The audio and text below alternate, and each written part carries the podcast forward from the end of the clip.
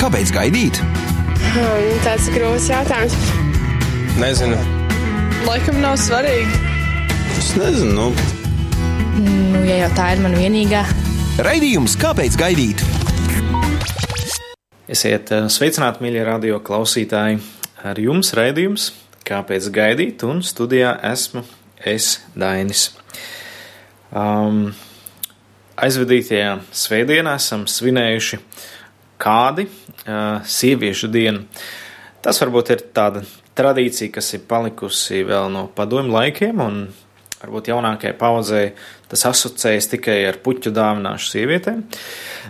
Bet uh, gribētu šodien tomēr izmantot uh, šo tēmu un runāt par uh, vīrieša un sievietes uh, garīgo vērtību.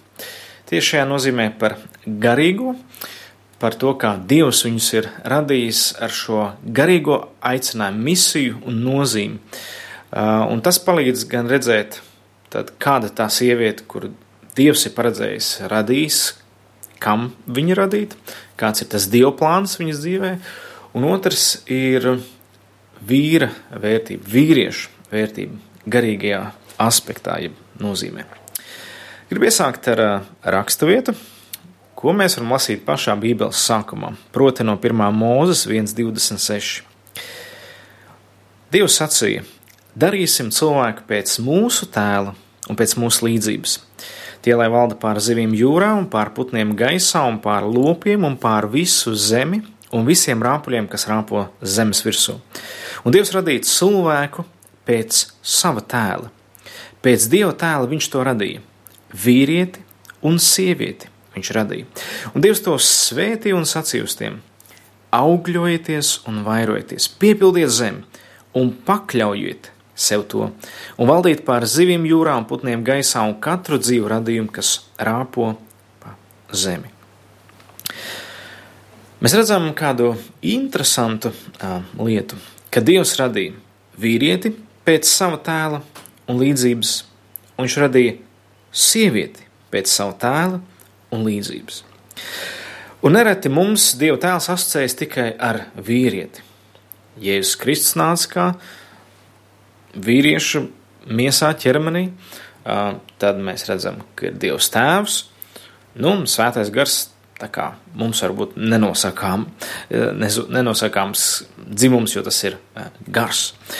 Bet uh, tomēr rakstums saka, ka arī sieviete radīta pēc dieva tēla līdzības.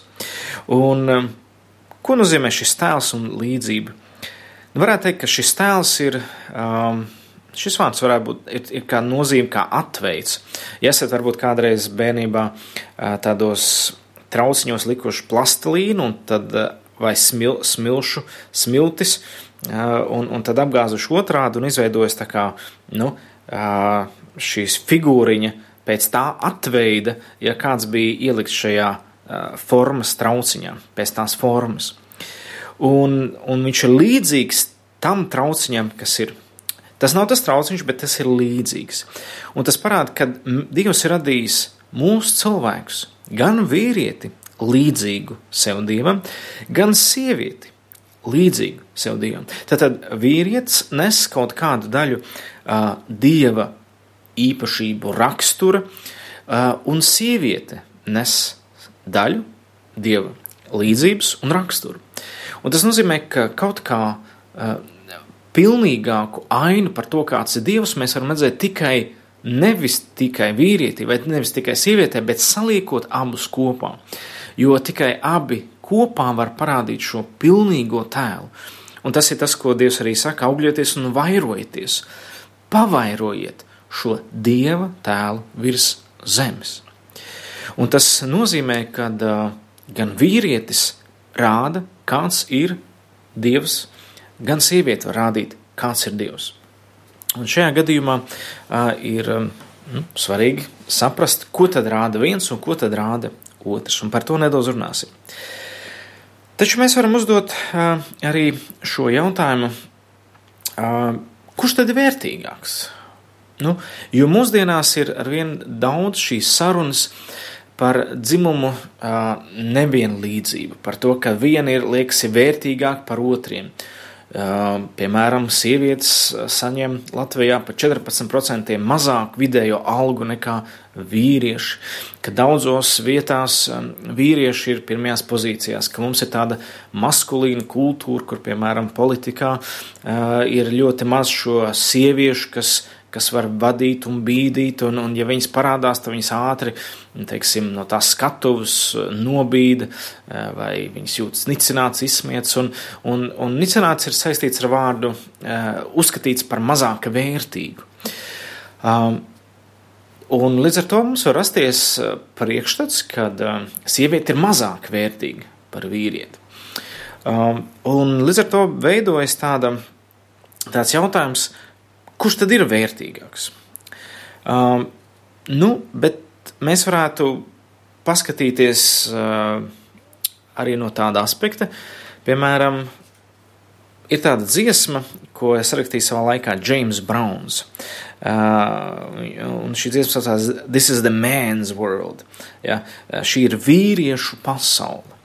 Un interesanti šie vārdi, kas palīdz nedaudz aizdomāties gan par vīrieti, gan par sievieti. Šajos vārdos ir teikts, šī ir vīriešu pasaule, šī ir vīriešu pasaule, bet, tur tas bet, tā būtu nekas bez sievietes un meitenes. Un tad viņš tālāk dzieda, redziet, vīri ir izgatavojuši mašīnas, lai mūs vestu ceļā. Vīri izgatavojuši vilcienus, lai vestu smagās kravas. Vīrieši izgatavojuši elektrogaismu, lai mūs izvestu no tumsas.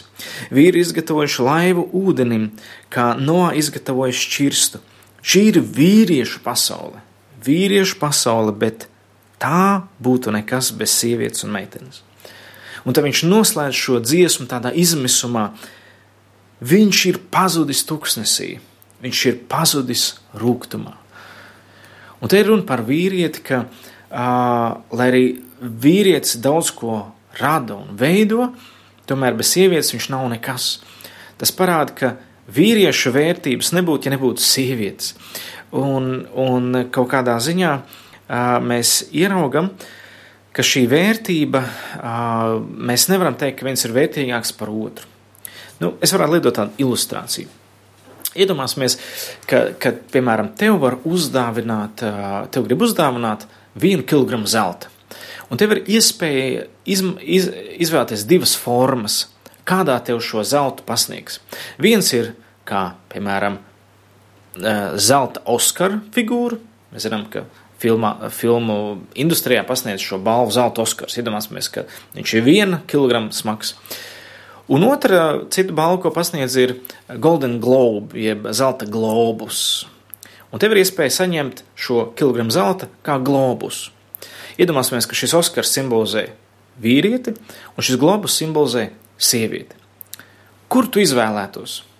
Nu, vīrieši teikt, es ņemtu Oskaru, sievietes teikt, es ņemtu tādu zelta, zelta zemeslodu. Labi, piemēram. Bet kura no šīm ir vērtīgāka? Vai forma nosaka, kura no šīm figūrām ir vērtīgāka? Nē, to nosaka svari. Noliekam šo zeltu uz svariem. Vienu kilogramu, jeb 50 tūkstošu dolāru apmēram, maksātu šī zelta Oskara figūra, un tieši vienu kilogramu un 50 tūkstošu dolāru maksātu šis zelta globus. Tad savā būtībā abi ir vienlīdz vērtīgi. Tāpēc nevar teikt, ka vīrietis ir vērtīgāks par sievieti vai sieviete ir vērtīgāka par vīrieti. Dieva acīs abi ir vienlīdz vērtīgi. Taču jautājums ir, kāpēc tad mums ir šīs atšķirības? Un mēģināsim arī par to uh, skatīties. Um, tad, tad vīrietis ir radīts pirmais. Un pirmais vienmēr ir pirmais. Tad, tad, tas nozīmē, ka līdzīgi kā čempions, čempions vienmēr ir čempions. Viņš ir pirmais. Un, uh, un viņam ir pienākts šis goda status, bet tajā laikā tā ir milzīga arī atbildība. Tad, Ādams tika radīts, ja vīrietis tika radīts pirmais, viņš pirmais dzirdēja Dievu pavēli, ja, nēst no labā ļaunā atzīšanas koka, ja, un tāpēc viņš nes šo atbildību pār visiem tiem, kas nāks pēc viņa. Tas ir pār ievu un visiem pēcnācēji. Uh, līdz ar to šis status ir pirmajam, tāpēc ka viņš ir vienkārši pirmais radīts. Bet kurš ģimenē ir pirmais? Vīrietis vai sieviete? Tas, kurš ir pirmais? Kas ir pirmais? Vīrietis. Jā, bet kas bija pirms vīrieša? Dievs. Tad patiesībā tas, kurš ir pirmais pirms visa, ir Dievs. Līdz ar, tā, līdz ar to nozīmē, ka patiesībā vīrietis ir otrais tādā ziņā. Viņš ir pirmais no cilvēkiem, jeb no dzimumiem, bet kopumā viņš ir otrais. Tas nozīmē, ka ģimenē pirmā vieta vienmēr ir jābūt radītājam, vienmēr ir jābūt dievam. Un tā, kad tā nav, tad uh, nenotiek šī um, pareizā, varētu teikt, nu, prioritāšu sadalīšana. Jo pāris tad sāk domāt, kur viņi grib doties, ko viņi grib darīt, cik, kad viņi precēsies, kad neprecēsies. Viņi pakārto visu savu zemes dzīvi tā, kā, kā viņi būtu pirmie ģimenē. Un līdz ar to rodas daudz šīs problēmas, jo tās iet pret radītāju ielikto kārtību.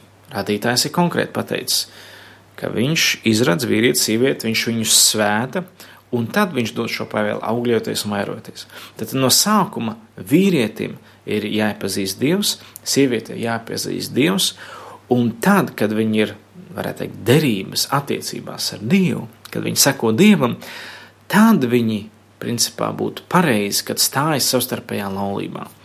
Un tad, kad viņi stājas savstarpējā laulībā, tad arī Dievs svētī viņu intīmo dzīvi un visu to, kas viņiem pieder.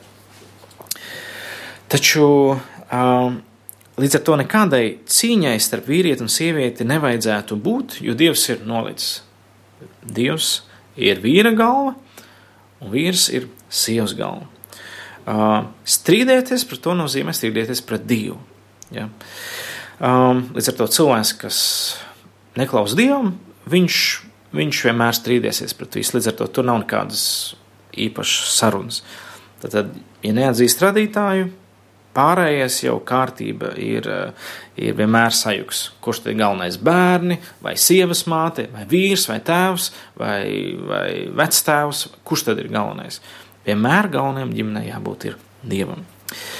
Uh, un Dievs tomēr rada pirmo vīrieti, nevis sievieti, tāpēc Dievs prasa no vīrieša šo atbildību. Bet kādu viņš radīs? Ko viņš viņam lika darīt. Tad mēs redzam, ka Dievs 1. mūzika 1.15, ne 2.15 ņēma cilvēku un ielika viņu ēdienas dārzā, lai viņš to koptu un sargātu.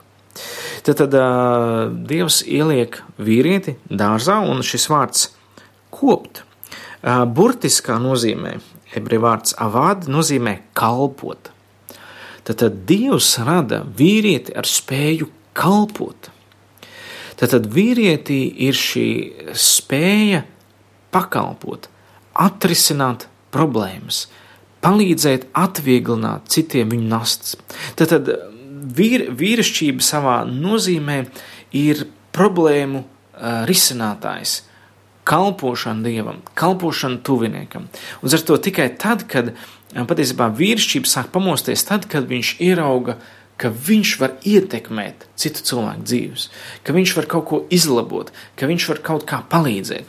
Viņā parādās šī, nu, varētu teikt, eh, drosme, deksme, spēja, eh, varētu teikt, nu, eh, kaut kā risināt šīs problēmas. Un šis vārds sargāt, šamār, ebreju, valodas, eh, ebreju valodā, es nezinu, es pareizi māku izrunāt, uh, nozīmē ļoti rūpīt, rūpēties, ja nepieciešams apsargāt.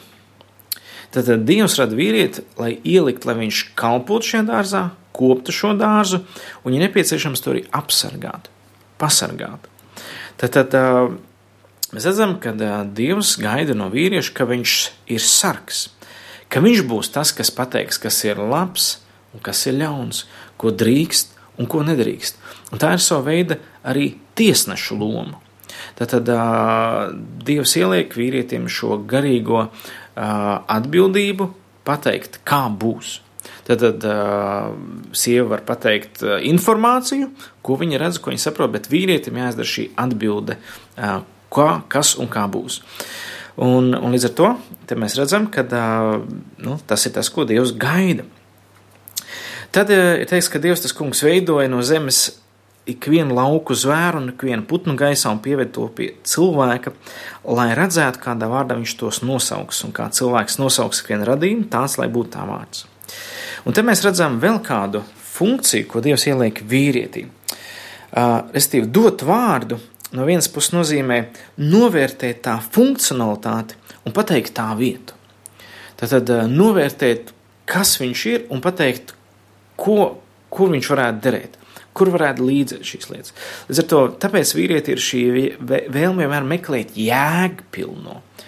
Vīrieti nekas tā nenokauj kā bezjēdzīga darbošanās, ka viņš kaut ko dara un no tā nekāda labuma nav. Īpaši ļoti grūti izturēt vīrietim, ka viņš cenšas sievas labā kaut ko darīt, un sieva visu laiku liek justies, ka nu, nav pietiekami labi. Ja, īpaši, teiksim, dēls vienmēr cenšas, un, un mammai nekad nav pietiekami labi, vai tēvam nekad nav pietiekami labi. Te vienā brīdī šis vīrietis salūst, un viņš pārtrauc to darīt, un viņš iekrīt kaut kādā izmisumā, un, un, un nezinu, sevis bieži vien žēlošanā, vai, vai vienkārši tādā nu, apātijā. Nu, labi, ja nevajag, nu, tad es nedarīšu. Tad lai dara citi. Apmēram tā. Un to, bet, bet tā, kad vīrietis redz, ka viņ, no viņa var būt kāds labums, kāds vērtīgums, um, viņš sāk uzņemties atbildību. Tad, kad uh, viņam rodas šī iespēja, un viņš redz, ka viņš to var paveikt, uh, viņš ļoti strauji sāk augt un veidoties. Līdz ar to tā ir tāda, cits sauc par darba terapiju. Ja? Vīrietim darīt kaut ko jēgpilnu ļoti palīdz viņa personībai. Viņš varētu garīgi atplaukst. Viņš beidzot sāk sajust nozīmi, no, redzēt savu spēku nozīmi, vērtību, ja ka viņš var kaut ko jēdzīgi izdarīt. Un bieži vien tās ir mazas, mazas lietiņas. Un kur, kur nereti sākās šī laulības pārkāpšanas domas? Tad, kad, tad, kad sieva nenovērtē visu laiku, Un te parādās kāda, kas apbrīno šo vīrieti par katru mazāko veiksmi. Oh, kā jums sanāk, kā tev brīnišķīgi, kādu tev mašīnu, kā tev tas. Un, un vīrietis pēkšņi viņam tiek iedoti spārni, un viņš grib pārcelties ar šiem spārniem citā valstībā, ja, pie šīs personības, kas viņus laiku paslavē. Un ar to mēs redzam kaut ko, kas ir patiesībā sievietes spēks. Un tāpēc mēs to skatīsimies to garīgo vērtību, ko Dievs ir ielicis sievietē. Tātad Dievs rada sievieti. Kā viņš to rada?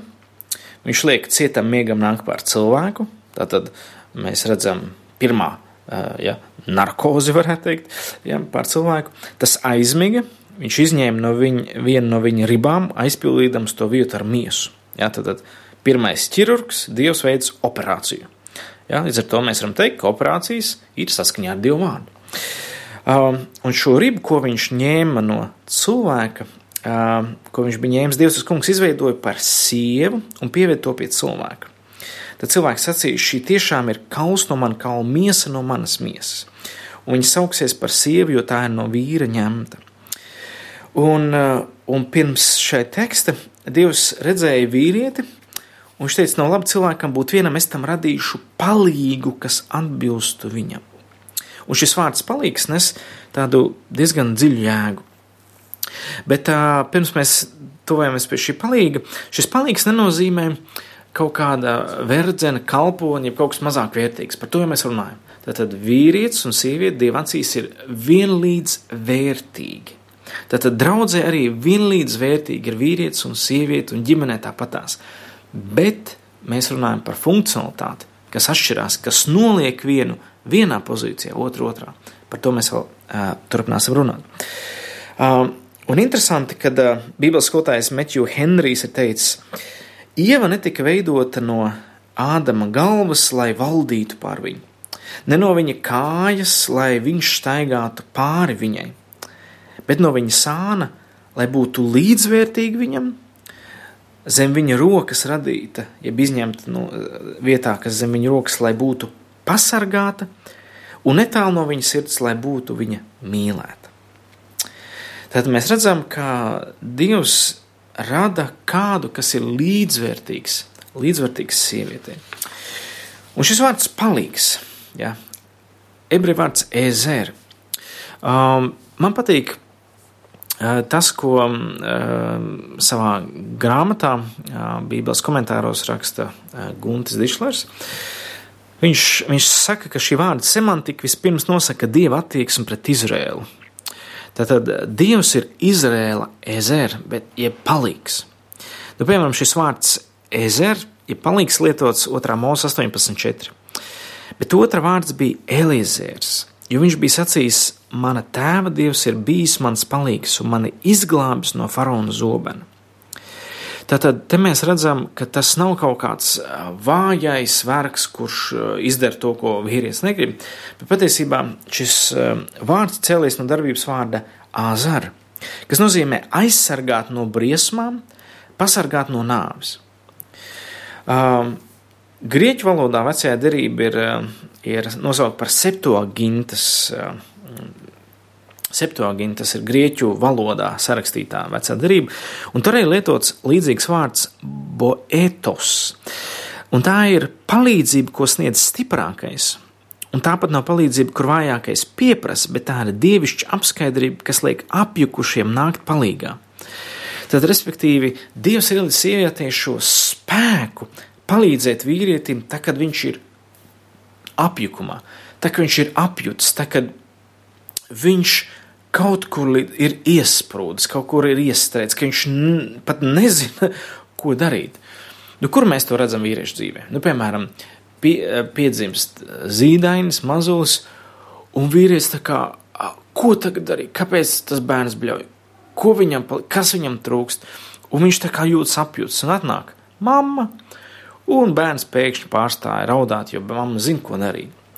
Vai citās reizēs redzējis, ka vīrieši apjūk lūkot, piemēram, veļu vai liekot segu gultas pārvalkā, ja, ka, ka vīrieši nereti apjūk tādās liekas vienkāršās lietās, un, un tad nāk sieviete un parāda, kā tas ir jādara. Līdz ar to sieviete ir palīgs tādā nozīmē, ka viņa spēja viegli iekļauties situācijā, kurā atrodas vīrietis. Viņa vieglāk spēja norientēties, kādi ir apstākļi. Viņa tā kā redz plašāk šo situāciju. Bet, bet nereti viņa varbūt nezina, kurš būtu tas pareizais risinājums, bet viņa spēja iedot šo fantastisku papildu informāciju, ko viņa tā kā, kā tāda antena sajūt. Ja bieži mēs runājam par šo sievietes intuīciju, ja spēju sajust, nojaust, redzēt vairāk to, kas vīrietis neredz. Un, un līdz ar to Dievs ieliek šajā sievietē šo spēku, varētu teikt, nāk palīgā grūtā brīdī vīrieti. Līdz ar to vīrieši pēc būtības ir diezgan patstāvīgi, bet ir tie grūtie brīži viņa dzīvē, kur tik ļoti ir vajadzīgs kāds, kas viņam palīdz. Un tieši šajās, šajos brīžos um, Dievs ieliek uh, sievieti kā, kā, kā palīgu. Un, uh, un uh, līdz ar to mēs redzam, uh, ka sievietei ir šis dievišķais, uh, varētu teikt, nu, uh, arī nu, vadība, jeb dieva garīgā apskaidrība par to, kā Dievs varbūt, uh, vai, vai kā Dievs viņai palīdz redzēt lietas, ko vīrietis vienkārši neredz. Un viņa palīdz ar šo skatījumu īpaši kādās, kādās svarīgās dzīves lietās. Un vēl ir interesanti, kad, ka pirmā sieviete tika nosaukt vārdā Ieva. Ja? Un vārds ieva ir, ir, ir ebreju vārds, kas nozīmē dzīva. Tad mēs redzam, ka sieviete ir ielika kā tā, kas caur kuru nāk dzīvība pasaulē. Tad viens ir šī fiziskā dzīvība, tad, uh, bet otrs viņā ir arī vēl cits šīs funkcijas, kas ir šī dvēseliskā un garīgā dzīvība. Nu, mēs to varētu redzēt, piemēram, vīrietis varētu būt droši vien gatavs uh, teiksim, kā vecpuiši ja, dzīvo, dzīvo tādu dzīvi, kur eh, varbūt nu, daudz ko viņš, teiksim, tā, nu, nepamana un daudz ko viņš var sadzīvot. Teiksim, tie skaistuma elementi, teiksim, puķītes, krāsainība, nu, viņam nav prioritārais, jo, jo vīrietis vairāk ir uz šo jēgu pilno skatījumu, uz šo mērķu pilno skatījumu, līdz ar tas viņam ir otršķirīgi. Taču nereti, kad sievietes ienāk tādā vecpušu dzīvoklī, viņām liekas, ak, šausmas, te kaut kas trūkst Tā kā te kaut kas nav, un, un sievietēm vairāk šī skaistuma, teiksim, nu, spēja redzēt skaistumu, spēja redzēt plašumu, krāsainību ir izteiktāka. Līdz ar to vīrieši parasti nu, ģērbjās nu, melns, pelēks, zils, nu, varbūt vēl balts. Bet kā sieviete ģērbjās? tik daudz, ir sievietes, kas ķerbjās tik krāsaini, ka acis apžilst. Ja tur ir zils, dzeltens, zaļš, rozā, oranžs, ja visās varabīgsnes krāsās. Bet vīrietim tas nu, nav tik ļoti noteicoši, tas viņam tā kā nedaudz nav tik dabīgi. Un te mēs redzam, ka vienkārši sieviete redz daudz plašāk, daudz, un viņa spēj iedvest šo dvēselisko un garīgo dzīvību. Ar to sievietes var daudz vairāk runāt, viņas daudz vairāk, plašāk pārunā lietas. Viņas, viņās ir kaut kāds tā, tas, kas mums vīriešiem nav. Un to mēs varētu norakstot par dzīvību, jo dzīve kaut kas ir radošs, kaut kas, mm, kas mainās, un, un, un, un, un ar to mēs redzam, ka sievietes kaut kā var attīstīt tās lietas. Tad, tad vīrieši redz jēgu, un viņi grib kalpot. Nu, teiksim, vīrieši redz sievieti, ka viņa mokās, teiksim, traukiem. Nu, ko vīrietis izdara? Viņš izgudro trauku mazgājumu mašīnu. Un tad sieviete viņu māca lietot, un tā, un ka vīrietis bieži vien nezina, kā viņu lietot, bet viņš, nu, viņš redz tā funkcionāli, viņš nopērk, un tas sieviete atvieglina dzīvi. Tad sieviete mokās ar drēbu mazgāšanu. Nu, vīrietis izgudro drēbi mazgājumā mašīnu, veļas mašīnu, tad viņš izgudro žāvējumu mašīnu, tad viņš izgudro citu mašīnu, un viņš mēģina visu laiku risināt šīs problēmas, lai kalpotu sievietei.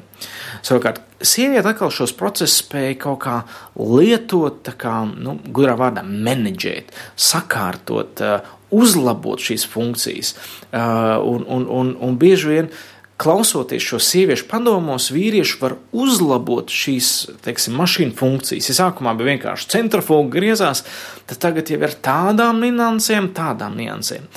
Kas tad vīrietim droši vien deva šos padomus? Visdrīzāk sieviete, kas saka, nu man pietrūks no šīs mašīnas, ka viņa varētu vēl tādā temperatūrā un kad vēl tādos grādos, un te vīrieši no šīs informācijas paņem un izgudro jaunu. Un ar to mēs redzam šo fantastisko sadarbības starp vīrieti un sievieti.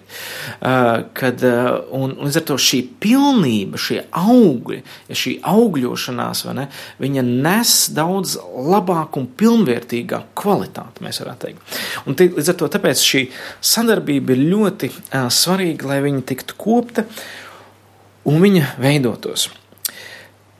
Un līdz ar to viņiem kopā sadarbojoties, viņi parāda šo dieva pilnību dieva mērķiecīgumu, dieva taisnīgumu, dieva redzējumu uz priekšu, bet tajā laikā arī skaistumu, krāšņumu, atbalstu, dzīvību, līdzjūtību, kas atkal ir sieviete. Un, un līdz ar to Dievs radīs viņu savus pēc šī tēla, lai šis tēls vairotos virs zemes.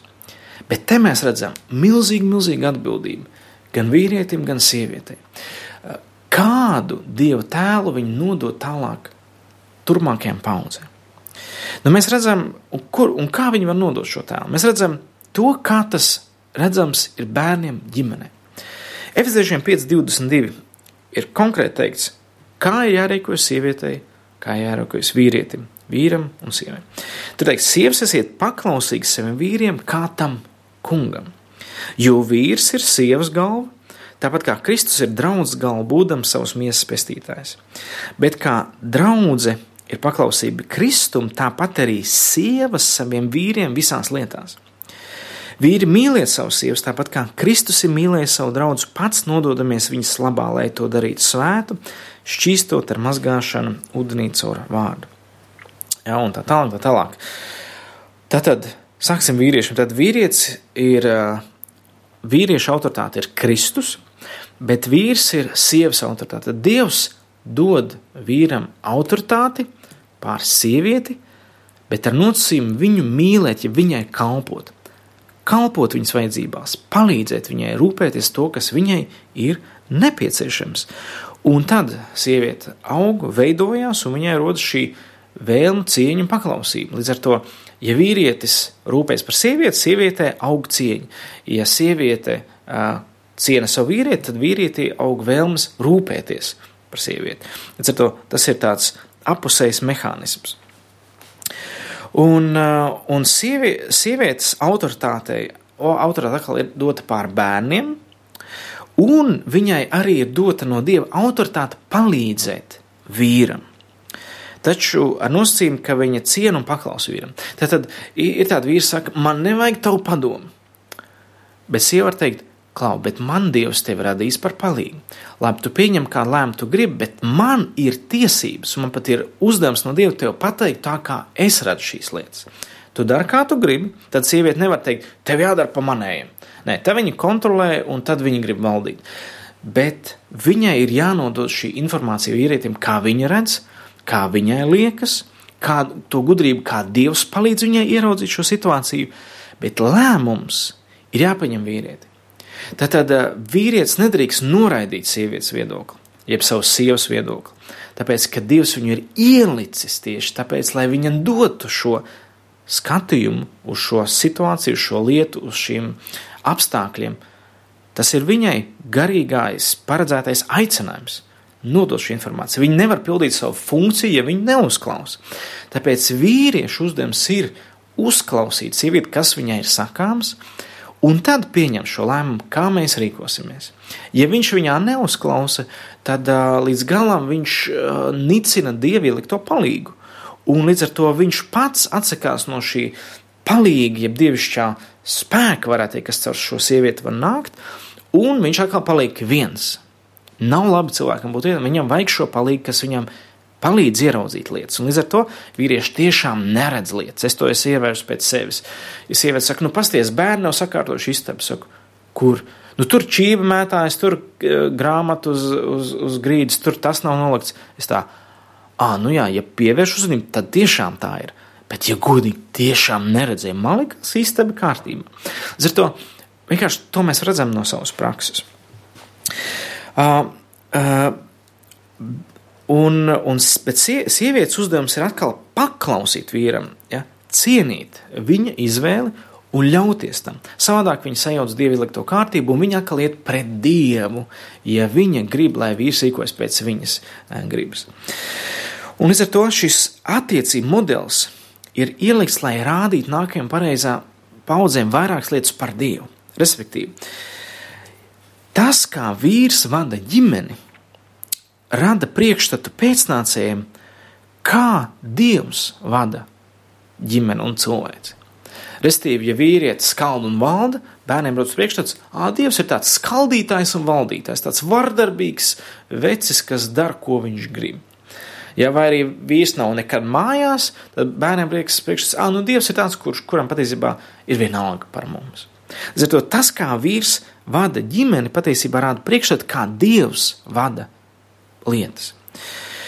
Tas, kā vīrs izturas pret bērnu, var radīt bērnam priekšstatu, kā Dievs redz bērnu. Restīvi, ja tēvs mīl, rūpējas, uzklausa, svētī, tad bērnam ir rodas šī ticība. Dievs ir tas, kas ir labs, rūpējas, svētī, jo tas ir divvilkties princips - nest, ja pavairot Dievu tēlu virs zemes. Tas, kā vīrs izturas pret sievu, rada priekšstatu, kā Dievs izturas pret sievietēm, pret cilvēci, varētu teikt, pret draugu arī savā ziņā. Taču mēs skatāmies arī otru, kā, kādu priekšstatu sieva rada attieksmē pret Dievu. Tad tas, kā sieva paklausa vīram, parāda pēcnācējiem, kā ir jāizturas pret Dievu, kā ir jāpaklaus Dievu.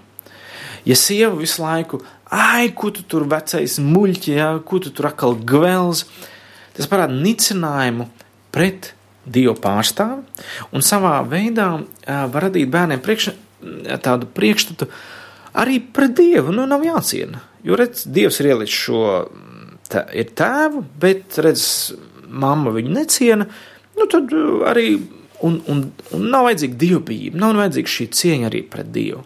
Jo Dievs tēvs taču nu, arī līdzīgi kā mūsu tēvs, nu, ko viņš saprot, priekš kam viņam kaut kādu padomu prasīt. Es darīšu pa savam. Un te mēs redzam, ka te ir sievietes atbildība, kā viņa paklausa vīram, jo tas automātiski ieprogrammēs bērnus, kā vajag izturēties pret Dievu. Jo te teikts, sievas klausiet vīriem kā tam kungam. Um, tas, kā sievas palīdz vīram, kā sievas sadarbojas ar vīru, palīdz pēcnācim ieraudzīt, kā cilvēkam ir jāsadarbojas ar Dievu.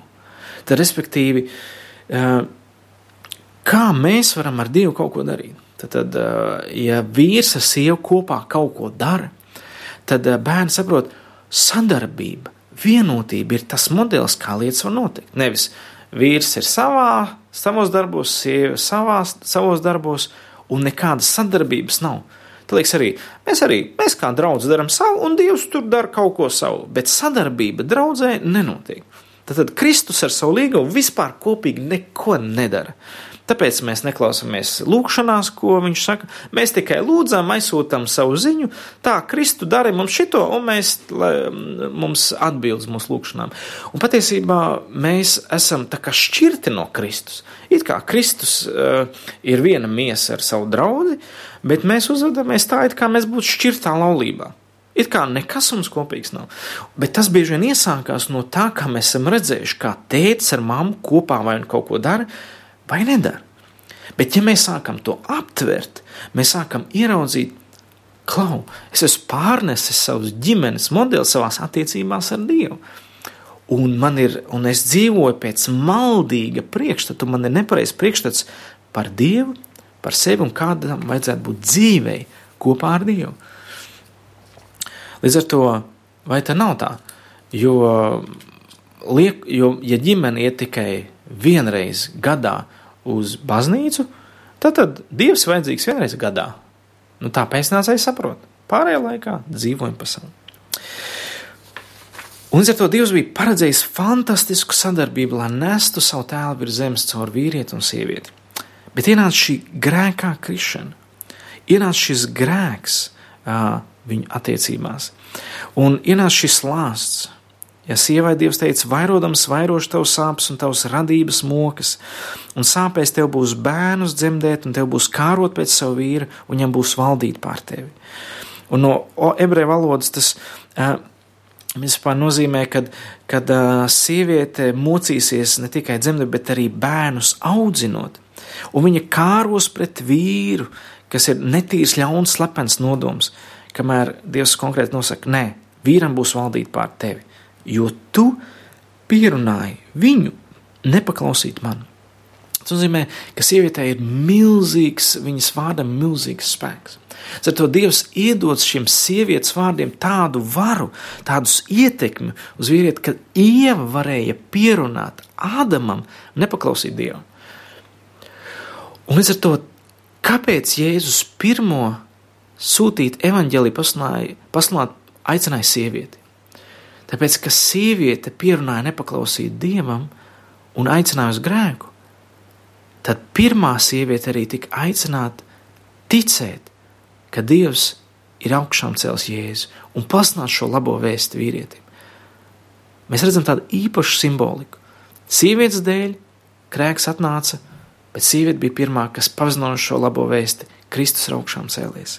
Līdz ar to Bībele saka, ka kad, kad Kristus ir nācis šo ienaidu starp vīrieti un sievieti, šo karošanu pa pozīcijām, nākt, uzņemt šo naidu sev, nomirt par ģimenes konfliktiem. Un patiesībā Jēzus nāca atrisināt laulību konfliktus, kas radās ēdienas dārzā. Kristus nāca izlīdzināt to. Līdz ar to Kristum laulība un ģimenes vienotība ir ļoti svarīga. Un ir teikts, ka viņš uh, nāca pārādīt par vienu jaunu cilvēku nodibināt mieru, lai nonāvējot ienaidu pie krusta salīdzinātu vienā miesā gan vienus, gan otrus ar Dievu. Kristus ir vienīgais, kas parāda mūsu patieso vērtību, un viņš grib atrisināt jebkuru ģimenes konfliktu. Ja tu esi konfliktā ar savās attiecībās, Vienīgais var Kristus jums izlīdzināt. Nožēlojiet savu nepadarīto, atbildību vienam pret otru, lūdziet kopā ar Dievu, un Kristus miers būs, un svētais gars jūs atkal savienos. Bet vīrietis ir ielikts par ģimenes galvu, sieviete par palīgu, kas viņam palīdz. Un tāpēc šai sadarbībai ir ļoti liela nozīme, lai pareizs priekšstats par Dievu izplatīties šeit virs zemes. Un tā ir atbildība mums vīriem un sievām. Lai Dievs svētī. Šis bija raidījums, kāpēc gaidīt. Es ceru, ka tas palīdzēja ieraudzīt tavu vērtību Dieva acīs un nozīmi, kāda tev debesu valstībā. Paldies, klausījāties! Ar labvakaru! Šis bija raidījums Kāpēc gaidīt? Klausies to katru otrdienu, pulksten 18,5 minūtēs Latvijas kristīgā radio ēterā vai arī jebkurā tevērtā laikā internetā www. īsta mīlestība gaida LV.